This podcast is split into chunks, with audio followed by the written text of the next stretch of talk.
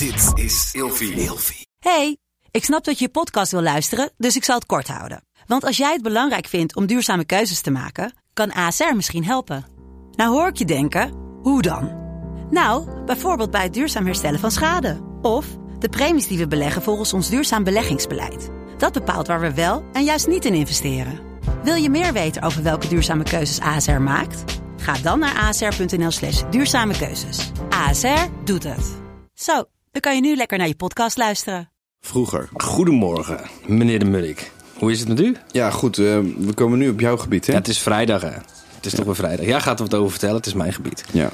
Meneer de Munnik, we bespreken deze week het onderwerp epidemieën. En in deze aflevering hebben we altijd een verhaal in de categorie overtuigingen en mythologieën. We gaan het hebben over bijbelse ziektes. Ja, ehm, eigenlijk de eerste epidemieën die staan al beschreven in het Oude Testament. Ehm, en ehm, de vijfde plaag van Egypte was bijvoorbeeld een hardnekkige veepest. En we hebben al eerder eh, deze week hebben het over gehad dat zodra we met vee in contact komen met Oh, vee. vee, Als ja, in dieren? veedieren, Oh, ja, veeteelt, vee. vee. Ehm, ja, ontstaan er dus eh, besmettelijke bacteriële ziektes, infectieziektes. En die kunnen dus gewoon hele legers decimeren. En dat gebeurde er. Wat voor bijbelse ziektes hadden we Nou vroeger ja, dan? ehm, je hebt de, Epidemieën. Builenpest. ja, de builenpest onder andere. Nou, we hebben ehm, Sprinkhanen. de sprinkhanen, zeker. eh, rood water in de Nijl. Ja, heel goed. Nee, ga door. Ja, nou ja je gaat, je, je- dat doe je hartstikke goed.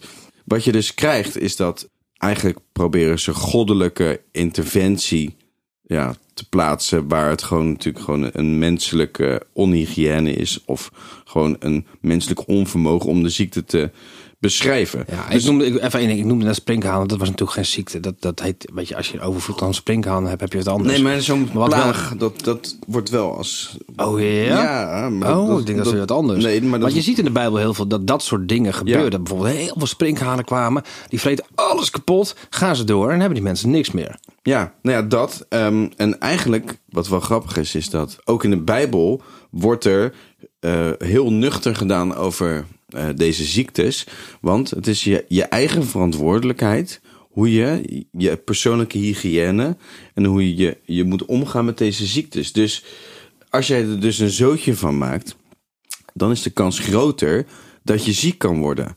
Maar zorg je dat je rust, reinheid en reinheid en regelmaat, als je zorgt dat, dat je dat voor elkaar hebt, dan is eh, de kans dat je elkaar besmet of dat er dus een besmettelijke ziekte kan plaatsvinden, is minder groot. Waren nou de Romeinen het eerste volk wat daar iets tegen ging doen? Want die kwamen natuurlijk als, die kwamen als eerste met riolering en zo. Of waren de Egyptenaren, want we hebben het nu natuurlijk nu vooral over Egypte als we het over de Bijbel hebben. Hoe, hoe zaten er Egyptenaren erin? Nou, het- Was dat, die hadden toch allemaal badhuizen en zo? N- Iets, mi- iets minder, maar er werd al wel goed over nagedacht over hoe je dus daarmee om moest gaan. Eh, eigenlijk vanaf het moment dat de mens kan schrijven en eh, de eerste steden ontstaan, ontstaan er ook beroepen zoals eh, geneesheren. Maar ik zie altijd Cleopatra voor me. Dat was toch een Egyptenaar? Ja, zeker. Eh, Egyptische farao of zo? Die, die... De Cleopatra was een, eh, Was een weer? vrouwelijke farao. Ja, ja, ja. oké. Maar die zie ik altijd voor me in een badhuis. Heel hygiënisch. Ik heb het idee dat die Egyptenaren altijd hartstikke schoon waren. Wat die Romeinen later ook gingen doen. Of tegelijkertijd. Nee, ja, de, klopt. Ehm, Cleopatra was- gelijktijdig met, met eh, eh, het Romeinse Rijk. Oh. Ehm, dus dat, dat badhuis dat kan heel goed eh, vanuit de, invloed vanuit de, de Romeinen zijn. Maar ehm, wa- waar het om gaat is, is dat Jezus wordt als voorbeeld gebruikt bij die ehm, epidemieën. En hij zegt dus eigenlijk dat... eh, ja, hij heeft het over het eind der tijden, hè, Ja. Jezus. En, en Daar gaan we het volgende week over hebben. Hè? ja, zeker. We hebben apocalyptische gebeurtenissen. Ja. Daarom is dit een mooi bruggetje. Maar ehm, het gaat dus om eh, dat Jezus heeft dus... Ja, die heeft het over het eind der tijden. En de eind der tijden, er gaan dus een aantal plagen en besmettelijke ziekten aan vooraf.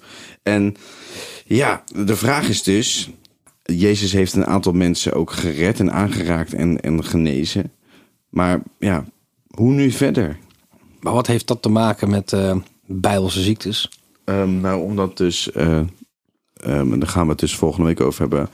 Er komen besmettelijke ziektes aan voor het Oh. eind der tijden. Dus er waren vroeger heel veel besmettelijke ziektes en plagen waardoor weer ziektes ontstonden.